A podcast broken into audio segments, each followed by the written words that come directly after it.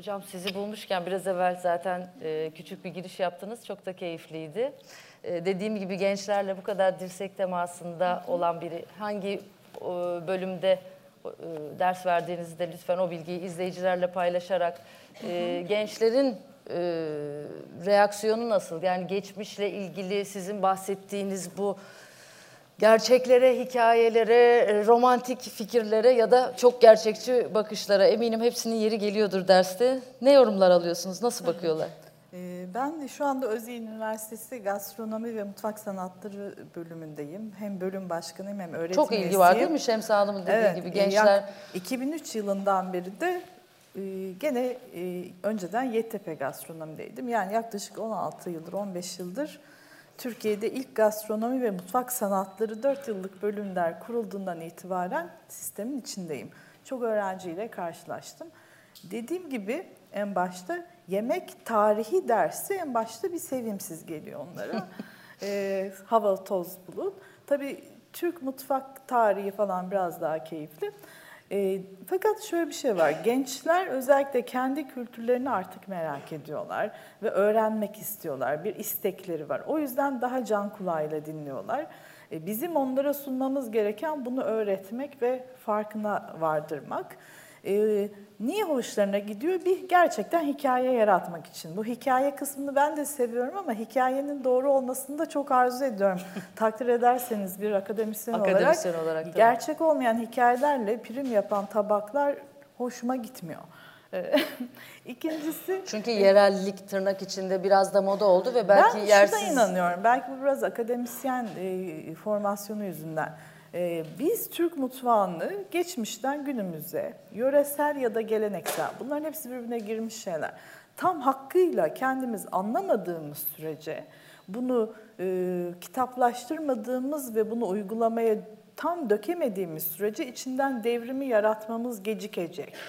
E, moda ve kısa spot şeyler yaratabiliriz ama kendi içinden dönüşümün onu iyice anladıktan sonra olacağını inanıyorum. Örnekte hep Fransız mutfağını veriyoruz.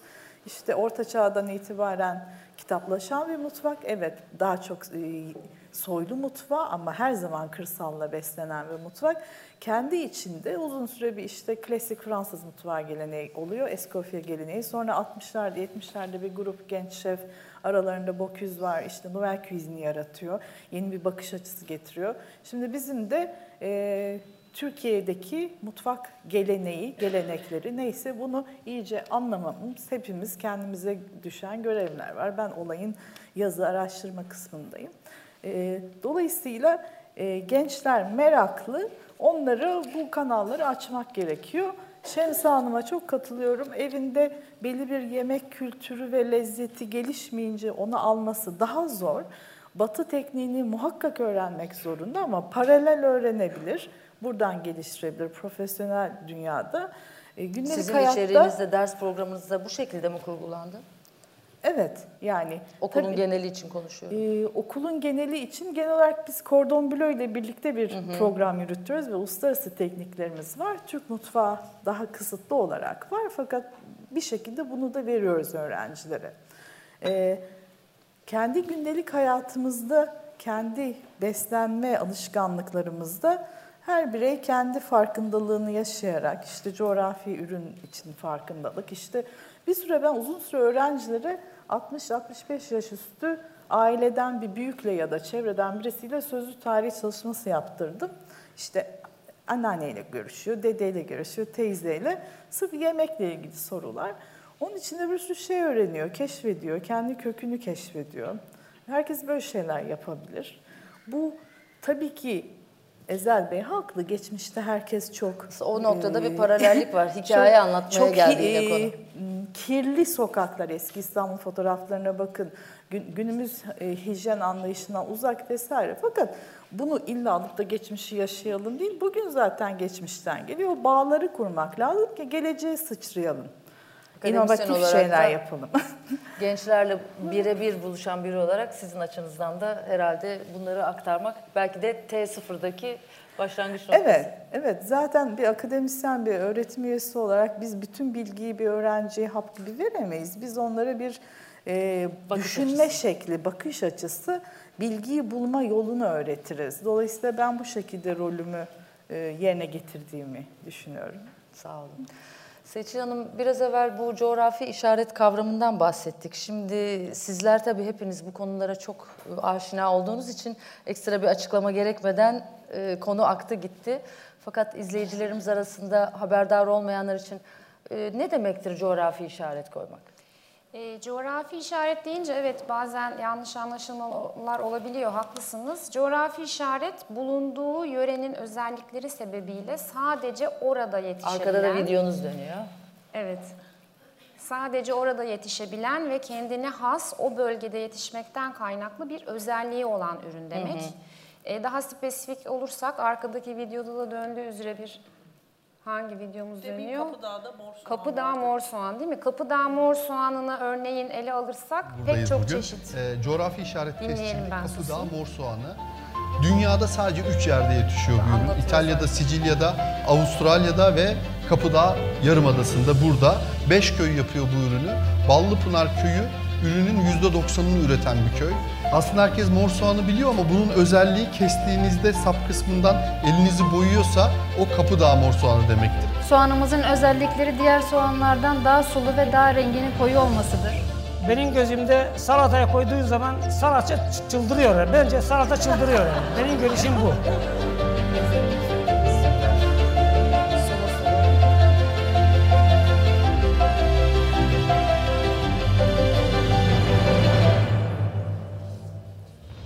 Soğan yetiştirmek çok zahmetli ve zor bir iştir. Altın değerinde bir soğanımız var. 9 ay boyunca uğraşıyoruz, emek sarf ediyoruz. Kışın tohumunu ekiyoruz. Onun ayıklaması var. Otlarını ayıklıyoruz. Onun hani fideye gelene kadar söküyoruz. Ondan sonra tarlalara ekiyoruz. kadın emeği bu işin içine giriyor. Onun için belki de bereketli olacak diye düşünüyoruz. Ee, bu ürün yok olmakla karşı karşıya. Onun için çalışmalarımız var burada. Ürünün sürekliliğini sağlamaya çalışıyoruz.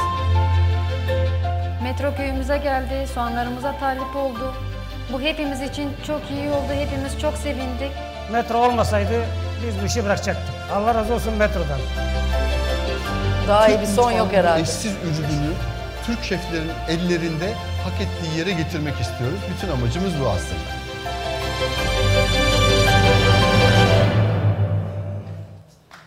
Ellerinize sağlık. Teşekkür ederiz. Herkesin eline Nasıl sağlık. seçiyorsunuz coğrafi işaret koyulacak yerleri? Bunun araştırması nasıl yapılıyor? Şimdi bu dediğim gibi çok geniş bir ekosistemi ilgilendiren bir konu aslında. Biz bu tip ürünlerin e, bazılarını gerçekten proje olarak coğrafi işaretler alınmasına aracılık ettik. Şu anda da hala üreticileri, kooperatifleri bu süreçlerde tescilleme işlemleriyle alakalı liderlik ederek, danışmanlık vererek destekliyoruz. Ee, video çok güzel anlatıyor aslında. Panelde de şu an hakikaten herkes o kadar güzel bir yerinden ele aldı ki bu geçmiş ve gelecek bağını. Bu videoda aslında onun bir, bir örneğini görüyoruz. Nilhan'ın bahsettiği gibi işte Anadolu'daki insanın aslında hali hazırda geçmişinden, kültüründen, kökeninden gelen o mor soğanı işleyip üretme içgüdüsü doğal olarak zaten devam ediyor. Evet çok doğru.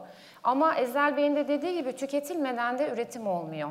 Ve günün sonunda nihayetinde o ürünü tüketiciyle buluşturacak bir takım kanallara ihtiyaç var. İşte biz tam bu noktada evet paketleyip raflara koysak da bu e, kültürün e, insanlara ve kitlelere ulaşmasını sağladığımız için tabii çok mutluluk duyuyoruz. Yani benim açımdan bu işin en kıymetli kısmı bu. Bu kültürel mirasın tescillenerek, e, dünyada üç yerde yetişen bu ürünün tescillenerek Türkiye'de ve pek çok belki yerde e, nihai tüketiciyle bizlerle evlerimize, mutfaklarımıza, Buluşması. sofralarımıza gelmesi bence çok çok kıymetli. Kıymetli, aynen. Bir diğer noktada e, bence farkındalık konusu. Ben tabii bir iletişimci olarak işin bu tarafını çok önemsiyorum. E, bu işin evet tüketilmeden üretilmiyor. Tüketilmesi için de bilmek gerekiyor. Bunun faydasını, farkını, değerini bilmek gerekiyor. E, Şems Hanım'la da konuştuk panelden evvel bu konuyu. Ve bunun temelinde de iletişim yatıyor. Bunu anlatabilmek, özümsetebilmek e, gerekiyor. Ancak o zaman e, Anadolu'nun artık bunu bir gerçekten doğası olarak yaşadığı hikayenin bizlerin hepimizin evet bugün gelişen gastronomi dünyası, ekonomi, gastronomi, turizm gibi şeyleri konuştuğumuz günlerde, e, dönemlerde e, yaygınlaşması, tercih edilmesi, farkında olarak tüketilmesi ancak iletişimle sağlanabilir. E, ben de işin bu tarafının önemini bir altına çizmek istiyorum. Zaten o kadar güzel özetlediniz ki belki şu an bütün konuşmayı toparlayıp gitmeniz zamanı. Çok teşekkürler. Ee, Şemsa Hanım aslında siz söyleşiden evvel bir araya geldiğimizde her zaman sahiplendiğiniz bir kavram var. Siz bununla ilgili çok çalıştınız. Bu kavramı belki de ilk seslendirenlerden birisiniz. İstanbul mutfağı hikayesi ve şöyle bir eleştiriniz oldu. Çok da güzel çatışmıştınız aslında söyleşiden evvel. Ee, Şimdi İstanbul'da mesela e, İstanbul mutfağından daha çok e, kebap kültürüyle gelen Doğu mutfağının önde olduğunu, mesela Uşak'la ilgili Ezel Bey'in aktardığı özel bir tarif vardı. Onu bizim bu şehirde bulamadığımızı söylediniz. Buna dair aslında izleyicilerle de aynı fikrinizi paylaşmanızı Biz istiyorum. bu şehirde iyi zeytinyağlı da bulamıyoruz yalnız. Yani eee, hep başka mutfakları konuşuyoruz. Antep konuşuyoruz birincil olarak. Antep mutfağına bayılıyoruz Hepimiz ve bayılıyoruz. haklıyız Evet, bayılmakta. haklıyız. Okey. Ama yani Antep mutfağı veya ne bileyim eee, Antalya'nın tahinli piyazı konuşuluyor da veya Konya'nın etli ekmeği konuşuluyor da Karadeniz'in hamsili pilavı da konuşuluyor. Ama İstanbul'da ne pişerdiği kimse konuşmuyor. Şimdi mesela ben buna uyuz oluyorum. Ömrümü de buna uyuz olarak geçirdim. Eh, teşekkür ederim. O Ezel Bey tezle gelen var arada. Rol çalmıyorlar. Ama 19. yüzyıl İstanbul Mutfak Kültürü diye Fransızca yayınlanmış bir 350 sayfalık kitabı mevcut. Çalışıyorum yani bu konuda. Teşekkür ederim. Ama şimdi bunu şeye ben bağlamak istiyorum. Ee, Kapıdağ mor soğanı hani salatayı çıldırtır dedi ya, hakikaten çıldırtır. Çıldırıyorum dedi. Böyle onu alacaksın, biraz tuzla yoğuracaksın, domatesin altına koyacaksın, domatesleri üstüne mevsiminde güzel sulu sulu koyacaksın. Sadece tuz koyup Siz bırakacaksın. de ne yemek anlatsanız ağzı sulanır. insan. Şimdi ama ama orada şöyle bir şey var. Şimdi aş, hep hikaye anlatmaktan bahsediyoruz. Aşçıların hikaye anlatması. Evet doğru. Biz yani bir lokantada, bir restoranda, bir meyhanede yediğin şey sana bir hikayeyle geliyorsa daha kıymetli oluyor. O o yemeği pişireni de kıymetli kılıyor. Yani beni kıymetli kılan şey aslında o malzemenin, o geleneğin e, hikayesiyle ben kendi bakışımı birleştirdiğim için daha kıymetli oluyor. E, Ve kendi o- hikayenizi, kendi evinizin hikayemi, hikayenizi, evimin hikayesini de buna ailenizin. kattığım için e, daha kıymetli oluyor. E, mış gibi yapmadan bunları yapıyorum. Ben hiçbir zaman iddia etmiyorum Kapıdağ'da bu soğanla şu şöyle yapılır böyle. Hayır ben o malzemeyi alıp kendi usulümde yapıyorum. Kendi bildiğimce yapıyorum.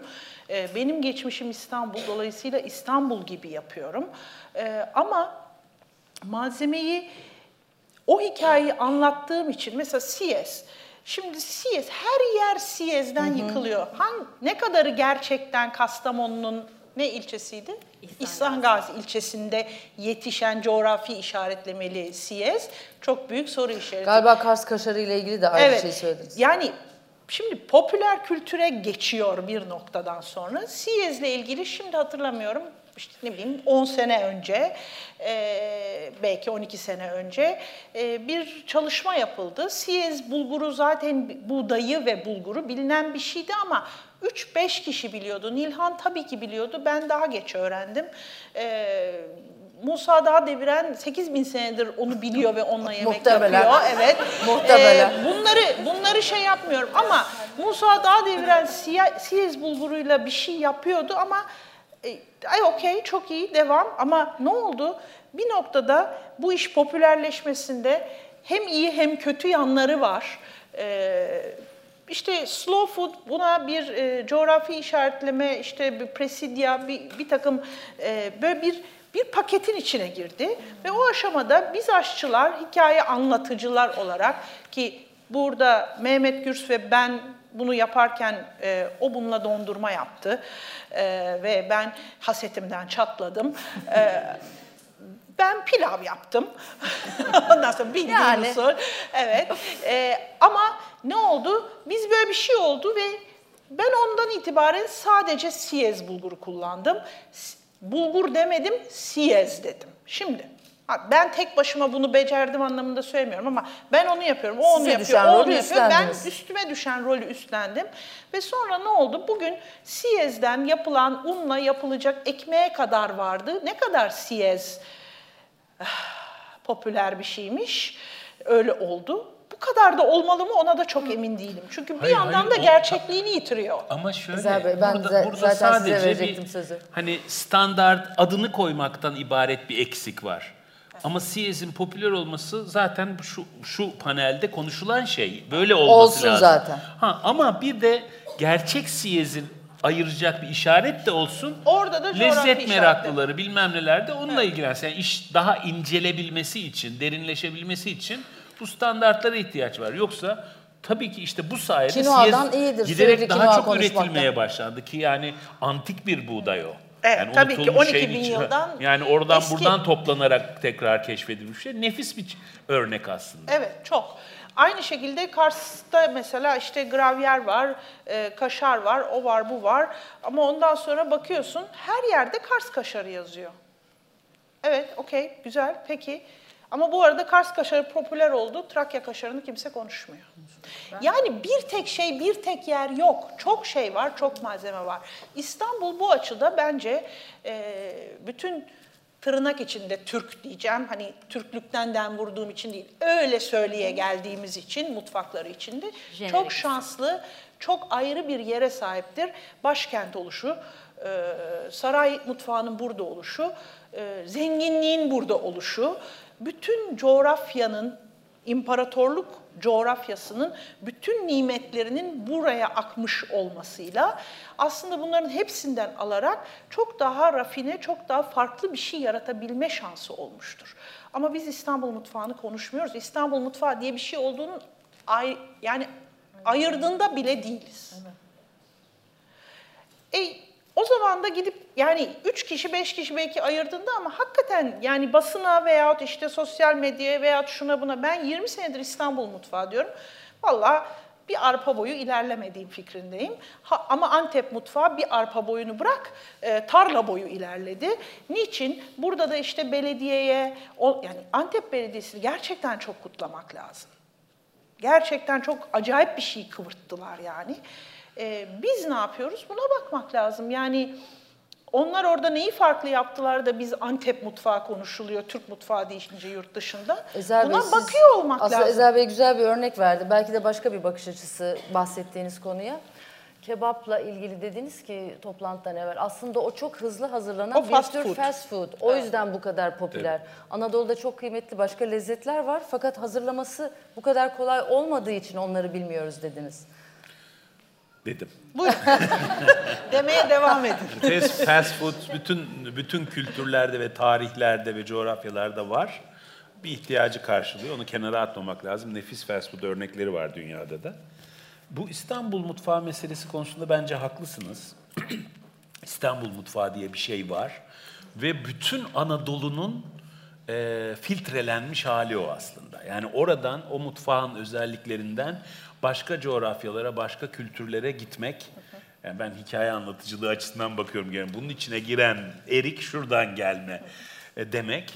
İşte ne bileyim ve Anadolu'nun her yerinde kullanılmayan, zor elde edilen, Anadolu dışından gelme, işte atıyorum e, acem limonu, kurutulmuş acem limonu gibi şeyleri de kullanan olağanüstü zenginlikte e, bir mutfak ve çok sofistike bir mutfak. Hiç öyle e, nouvelle cuisine, minimalist mutfağa, şuna buna benzemeyen, hani böyle yemek mi işte, yemek dediğim böyle olur, tabağa da böyle konur diye kocaman bir mutfak bu. Ve e, şimdi Yavuz Gökmenzade e, benim dostum aşçı, o bu işin uzmanıdır. Onun yaptıklarını ve sergi yani yapılmıyor değil bir kere Muhakkak. şüphesiz. Gördükçe daha da uyandım. E, o dedim her yemek yani öylesine hoş isimleri olan meyve karışımları, çok özel yağlar kullanan. Biz şimdi mesela zeytinyağı bizim için, buradaki herkes için kutsal bir şey. Fakat başka yağlar da var. Nasıl? Bir sürü başka yağ türü var kullanılabilecek. Burası bir susam ülkesi. Tahinden başka yağ. Halbuki susam yağı diye bir şey var. Bütün Asya kızartmalarında, yemeklerinde dünyada kullanıyor superfood diye şu Biz an- mesela ayçiçek cenneti bu ülke. Ayçiçeği biz çok aşağılıyoruz aşçılar. Halbuki kokulandırılmış yağlar için müthiş bir e, imkan o. Hem çok ucuz ve çok bol ve hep çöpe atılan sarımsak kabuklarıyla e, ayçiçek yağını birlikte kızdırın. Size nefis sarımsak kokulu bir yağ elde edersiniz. Veya kızdırılmış yağı biberlerin üzerine dökün.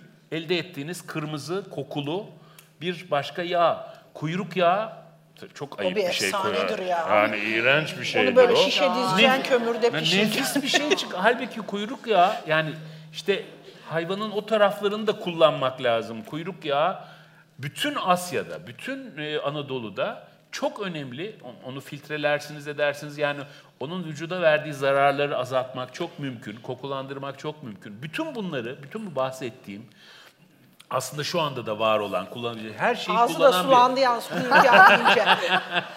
kullandıra, kullanılabilecek, kullanılan bir mutfak Osmanlı mutfağı. Osmanlı mutfağı elit bir saray mutfağı. Bugün bir takım esnaf lokantalarında görüyoruz onların izlerini. Yani kimse fine dining için Osmanlı yemeği yemiyor. Değil mi? Şarabınızı koymuşsunuz. Her şu şöyle lök bir şey geliyor. Orasında patatesler, şurada bir et bilmem. Öyle ayıp yani onu yemek. Şimdi bu, bu halbuki Osmanlı için ayıp değil, asalet o. Yani bunun unutulması da çok e, ağır bir şey aslında. Ama bu konu en azından yazılmış. Yani saray dediğimiz şey kaydı kuydu olan şey demek aslında. Dolayısıyla o reçetelere baktığımızda belki bir iki malzeme eksiğiyle, biraz Osmanlı Türkçesinden anlamayı gerektiren şeyler. Ama onlar varlar ve, ve yapılabilirler tekrar. Yani te Fatih'in zamanından kalma reçeteler bile hala uygulanabilir durumda. Bunların hepsi elimizde. Kayıp olan Anadolu mutfağı. Biraz onun için ondan söz ediyoruz. Yoksa ben Bu de bir farkındalık meselesi sonuç Tabii, olarak. yani çok- Hep aynı anahtar kelimeye dönüyoruz ama e, sahip çıkmak ve biraz herkes kendine düştüğü şekilde... Evet, herkes kendi rolünü Yani yerine getirip... Çok kısa 15. yüzyıldaki bir Osmanlı yemek kitabında geçen tarifler bugün Anadolu'da var. Onu gördüğünüzde bağlantı kurmaya başlıyorsunuz. Hititlerden var. Hittitlerde de olduğu var. söyleniyor biraz e, problematik yani. Hititçe bir o küçük bir küçük katkıda bulunayım. Bunun da ötesinde 5000 yıllık bir tarih var. Hatta efsanesi hikayesi de olan bir yiyecek. E, Sü- Sümerler zamanında e, bir Sümer kralı e, yangında kah- kahin ona diyor ki işte yangında evin yanacak, sarayın yanacak, çökeceksin. Onun için ateş yakılmasını yasaklıyor. Bunun üzerine Sümerli bir kadın da çocuklarına et yedirebilmek için çiğ köfteyi yapıyor. 5000 yıllık bu çiğ köfte dediğimiz şey ki böyle bir ülkede yani az et tüketilmek zorunda kalan bir ülkede best protein almak için nefis bir yöntem aslında. Buğdaylı, kırılmış, baharatlı, son derece besleyici ve yasak biliyorsunuz. Utanç verici bir şey ya. Bizim devletimiz yasaklamaktan başka bir şey yok. Kontrol etmek yerine hijyenini. Şimdi bir de bu yüzden kaybedilmiş yiyeceklerden biri. Ben çiğ köftenin ve çiğ köfte çeşitlerinin bu ülkeye tekrar geri iade edilmesi gerektiğini düşünüyorum.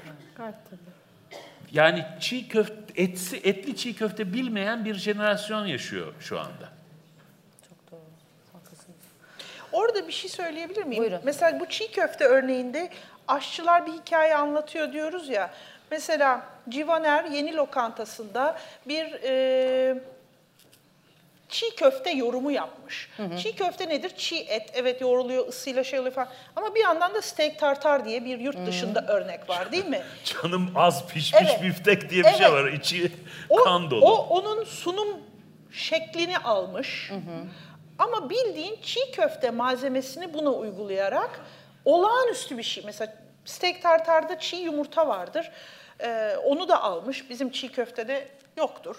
Ee, ama onun diğer malzemesi o ince bulgurunu, baharatını, şunu bunu da alıp o iki dünyayı birleştirmiş. İşte yapılması, yapılması gereken şey Bunu da bu. not düşelim meraklılar Evet. için. Yeni lokantada böyle bir lezzet Evet. var. Yani ortaklığın falan yok ha. Evet, Yanlış anlamayın. Sadece çok doğru bir örnek olduğunu Doğru düşünüyorum. örnek, Aynen. Bunu paylaşmanız da iyi oldu bilmeyenlerimiz için. Pardon? Geleneksel midir peki steak tartara benzeyen bir çiğ Hayır değildir ama, işte geçmişi geleceğe taşımanın illa gelenekte kalmak gerekmez.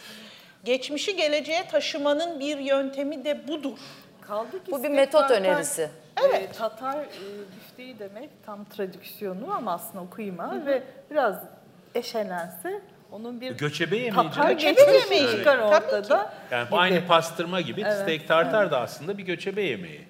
Konuştukça Evet, o kesin başka bir şey. daha çok örneklerini bulabileceğimiz bir konu Evet. olduğunu düşünüyorum. Ve izninizle son sözü e, madem bu kadar Anadolu'dan bahsettik, Anadolu'nun kraliçesine verelim konuyla ilgili. Estağfurullah ya öyle demeyin estağfurullah. Ee, biraz evvel e, tabii ön hazırlık yaparken e, konu konuyu bağlıyor. Nilhan Hanım enteresan bir şeyden bahsetti. Ee, ne kadar bu konuşmalar iyi niyetle ve o anahtar kelime farkındalık etrafında dönse de ister istemez hep bir üst tondan konuştuğumuzu hissetmeden duramıyorum. Ve bununla ilgili Nilhan Hanım'la da paylaşırken dedi ki e, Anadolu'da tam tersi hem farkında olmamak hem de bizimki zaten iyi değildir, makbul olan değildir, makbul olan değildir gibi bir e, duygu hakim dedi.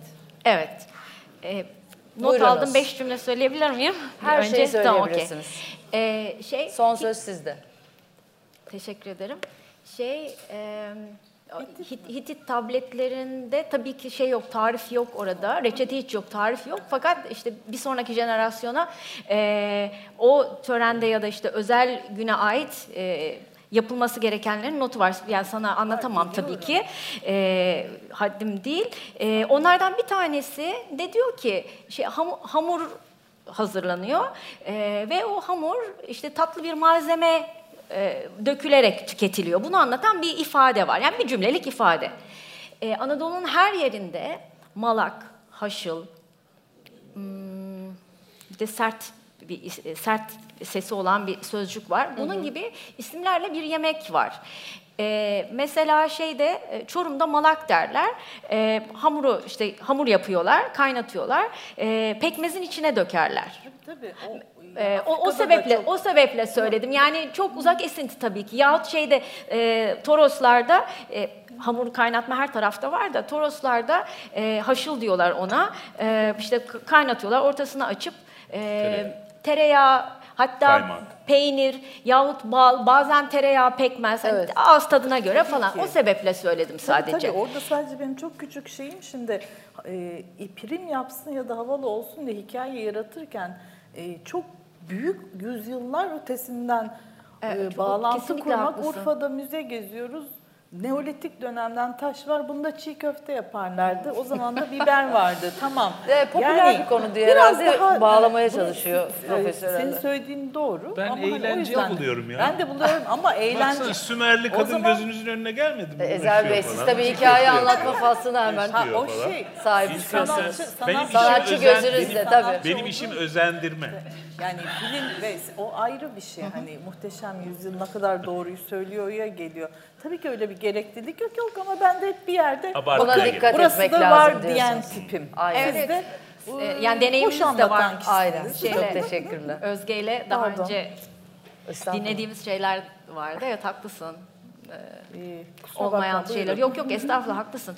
Ee, şey dediniz işte çok susam yanlış sadece şurada kullan yani tayında kullanılıyor falan.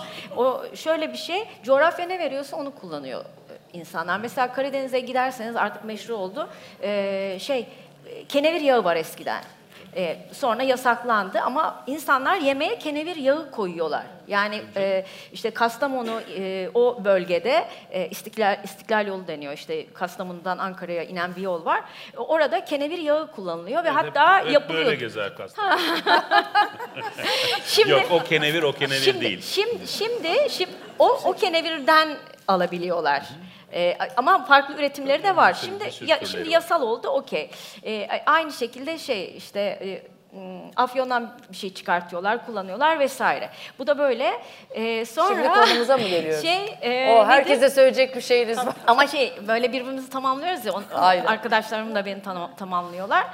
Ee, şey de büyük şehir. Ben de yeni öğrendim. İki gün önce başka bir sebeple e, bir şey araştırırken öğrendim ki e, bir proje geliştiriyor ve e, Şimdi İstanbul'un Greenpeace de bir proje yapıyor. İstanbul'u doyurma, e, İstanbul nasıl doyuyor gibi bir şey.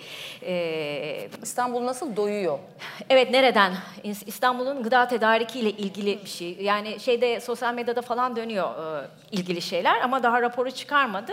E, onunla ilgili e, bir de işte Sapor için bir bakarken fark ettim ki e, şey İstanbul Büyükşehir Belediyesi şimdi adını söyleyemeyeceğim tam olarak bilmediğim için bir proje yapıyor E, ve şey tedarikle ilgili ucu da e, üretime ve doymaya bağlı e, bir proje geliştiriyor ve tepesine de çok sağlam bir adam, eski Ziraat Odaları Başkanı e, sağlam bir birisini koymuş. E, dolayısıyla hani İstanbul mutfağından da işte bugün Antep kadar olmasa da e, Olacak şey meşru olarak evet evet yani çoğun, çoğunlukla evet e, çalışanlar var ama herkesin de farkında olacağı bir şeyler olacak diye umut İnşallah. ediyorum. Son son bir de şey siyez ve coğrafi işaretle ilgili söyleyeceğim. Eee şey bir kere coğrafi işareti evet anlatmamız gerekiyor. Dün e, şey, eğitmenlerin eğitimi isimli bir şey toplantıdaydım ve e, fark ettim ki yani coğrafi işaretten söz ediyordum ve e, Ankara'dan gelen hocalar coğrafi işareti burada hatta metroyu gezmişler. Orada öğrendiklerini söylediler. Müthiş bir eksik. Yani buna e, pek çok paydaşın el e, e, atması gerekiyor. Yani devlet de var, işte özel sektör de var, YUCITA gibi e, şey ağlar, lobi ağları da var vesaire. E, Siyez sadece Siyez'de değil problem. Yani o ürün gerçek ürün mü değil mi? Orada da işte sertif- sertifika yöntemleri son derece önemli ve o sertifika yöntem sertifika yöntemlerinin nasıl oluşturulduğu, nasıl örgütlenme yapıldığı çok önemli. Denetleme mekanizmasının e, çok sağlam şekilde devreye girmesi önemli. E, coğrafi işaret bunun için var. Üzerinde yazıyor e, şey hmm, coğrafi işaret belgesine bakarsak eğer hangi alanda yetiştiğini öğreniyoruz ve üzerinde e, coğrafi işaret e, coğrafi işaret etiketi varsa gerçekten o bölgede e, yetişmiştir o ürün. Orada üretilmiştir. Coğrafi e, işaret etiketi galiba bir yıl önce falan devreye girdi. Yoktu. Koruma amaçlı olarak bugün de sürüyor mu bilmiyorum ama şöyle bir yöntem vardı. Ezine peyniri e, o coğrafi işaretli. Ama siz e, coğrafi işaret koşullarını yerine getirmiyorsanız ezine tipi peynir yazmak zorundaydınız etikete. Şimdi şeyler işte mahreç, e, menşe işaretleri konuyor. Bir de geleneksel e, ürün işareti kon- konuyor. Dolayısıyla tüketici alırken Aslında bunu, buna dikkat bunu edebilir. kontrol etse evet e, şey doğru ürün almak zorunda. Tabii ki denetim mekanizmasının işlediğine güvenmemiz gerekiyor bu noktada da. Hani Her şey birbiriyle bağlantılı ama bu bir iyi bir başlangıç noktası. Evet, e, yoksa hani başa çıkmıyor. Neyse ben farkındalıkla ilgili bir şey söyleyeyim. Anadolu'da şöyle bir şey var. Evet, e, o kadar mütevazıyız ki baktığımız zaman o mütevazılığın ucunun aslında özgüven problemine e, dayandığını düşünüyoruz. Burada özgüven problemi e, özgüven probleminin altında pek çok sebep yatıyor ama bunlardan bir tanesi de cinsiyet eşitsizliği. Onu da kabul etmek gerekiyor ve dillendirmek gerekiyor ve kesinlikle bir suskunluk var bu konuda. Bunu reddediyorum ben. Asla feminist değilim, herkes bilir. Ee, ama şey böyle bir yani o- o- öyle bir dilim yok asla ama söylemek gerekiyor. Ee, insanlar cinsiyet eşitsizliği kısmını ve onun e, sonuçlarını bir kenara bırakacak bırakacak olursak insanlar Anadolu'da ellerinde kinin ne olduğunu bilmiyorlar.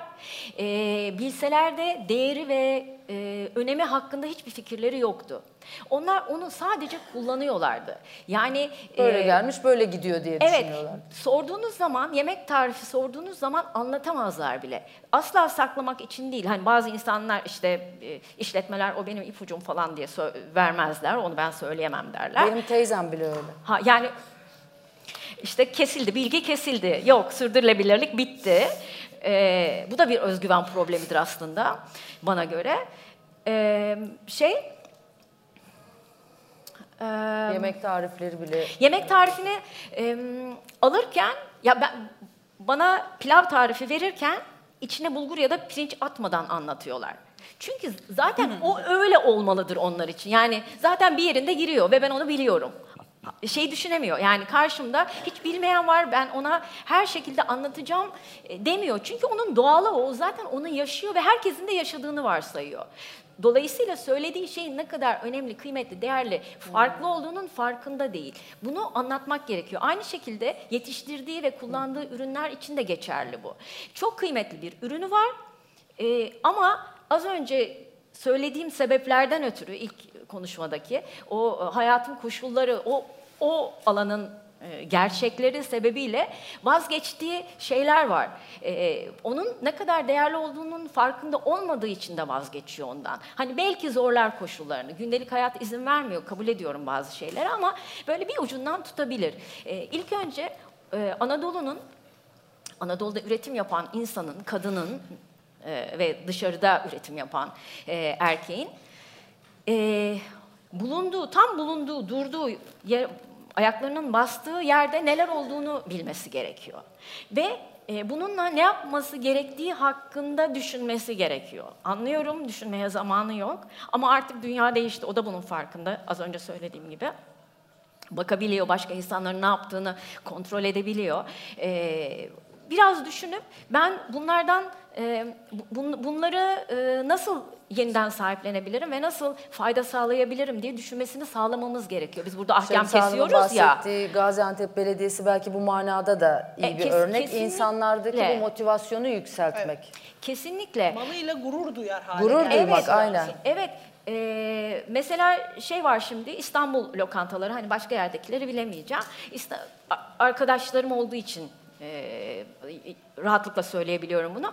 Anadolu'dan şimdi ürün almaya başladılar. Bu onlara bir özgüven getirdi. Fakat e, evet doğru ve yanlış üreticiyi seçmek gerekiyor şimdi. Çünkü herkes e, ürün salmaya başladı. Orada bir problem çıktı. Ger- gerçek, e, dürüst, doğru üretim, işte temiz, adil, e, iyi gıda diyor e, kimi örgütler. E, şey gerçekten doğru üretim yapan, hakkıyla üretim yapan e, ve hakkıyla teslim eden, doğru teslim eden üreticiyi seçmek gerekiyor. E, bir şey var, hmm, müstahsil gibi çalışan, iş- üretim yaptırıp dükkanı alıyor ve satıyor. Böyle bir işletme var. E, şey, Hmm, rahatlıkla da söyleyebilirim herhalde. Hani metronun adını geçiriyoruz. Ala Dükkan bu şeyde Karaman'da. Ee, kadınlara üretim yaptırıyor. Çevredeki köy ama her her köye değil. Değil, seçiyor. her kadına değil, her köydeki her kadına değil. Seçiyor. Şey kriterleri var ve çok haklı onda. Seçiyor kadınlara. Diyor ki bana şunları şunları şunları üreteceksin. Al sana ben malzeme de veriyorum. İşte kurutma için ne bileyim tezgahlar veriyor. Ee, örtüler veriyor. O örtüler işte pazardan aldığı, dağıttığı örtü değil. Yani özel kumaşlar vesaire. Bunları veriyor kadına. Diyor ki işte şu kadar zaman sonra ben e, malımı istiyorum diyor. Ee, arada e, şey hiç haber vermeden gidiyor. Yani çok böyle sert olarak denetim deniyor ona ama e, hani bir bakayım diye gidiyor. Ee, eğer ki istediği gibi üretim yoksa ben tanığım. Ya Benim yanımda geçti olay. Olaylardan bir tanesine tanık oldum ben. Kadından almıyor. O kadının kendi parası, kocaya gitmeyecek para. Eve yani kadın tabii ki eve harcayacak ama kendi üzerinden harcanacak. O çok değerli bir para. Ee, içi kan ağlaya ağlaya Aslen o kadına ben almıyorum senin ürününü dedi. Ve kadın belki e, önümüzdeki e, önündeki işte birkaç ayını o paraya bağlı olarak kurgulamıştı ve almadı. Çünkü sürdürülebilirliğini Sürdürülebilir istiyor. değil. Aynen. Yine Ee, aynı kelimeye gelecek diyecek. Hı. Ve onun da e, üretimin başka bir alanını fark etsin istiyor. Kadındaki farkındalığı da geliştirmek istiyor. Yani tabii ki sonuç olarak o da bir ticarethane. Ticaret ticari hayatını koruyor. Aynen öyle süreklilik için. Ayrıca ben de şu dipnotu düşmek istiyorum son olarak. Bu dediğiniz yaklaşımı gıda dışında Anadolu'da üretimi herhalde artık 30 yıl oldu. Nahıl vardır Beyoğlu'nda. Ben de özellikle söylüyorum hatta herkes bundan haberdar olsun isterim. Nahıl'ın başındaki Şule Hanım da sessiz sedasız mesela benzer kooperatifleri kuruyor. Yok kızım hamile o oldu, yok kocam karıştı diyen e, kimseyle çalışmıyor ve anında bırakıyor. Bu da herhalde bu işin çarkın dönebilmesi için e, çalışma hayatının bir gereği. Evet yani işte şimdi e, ben de evim için şey alıyorum Anadolu'dan ürün alıyorum.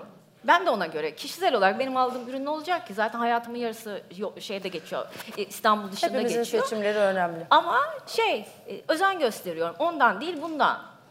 E, dolayısıyla hani işletmeler de büyük volümlü e, satın alma yapan yerler de ya da işte marketler ya da neyse Titizlikle yürümesi gereken bir Evet, süreç bu. o e, Anadolu'daki farkındalığı yani her konu çeşitli boyutta Aynen, ya aynen farkındalığın öyle. da boyutları var. E, her açıdan Anadolu insanının elindeki ürünün farkında olup e, onu sahiplenmesi ve koruması için büyük bir farkındalık yaratmaya yardımcı olacaktır Çok, diye çok düşünüyorum. katılıyorum. Ee, ne yazık ki süremiz bitti. Yoksa aranızda soru sormak isteyen e, sevgili izleyicilerimiz olduğunun farkındayım. Fakat bu o kadar derin, üstüne konuşacak o kadar dolu bir konuydu ki her biriniz de kendi durduğunuz yerden bence şahane katkıda bulunduğunuz söyleşiye. Geldiğiniz için teşekkür ederim. Sizlere de teşekkür ederim. Çok teşekkürler. Ben teşekkür ederim. Ağzınıza sağlık.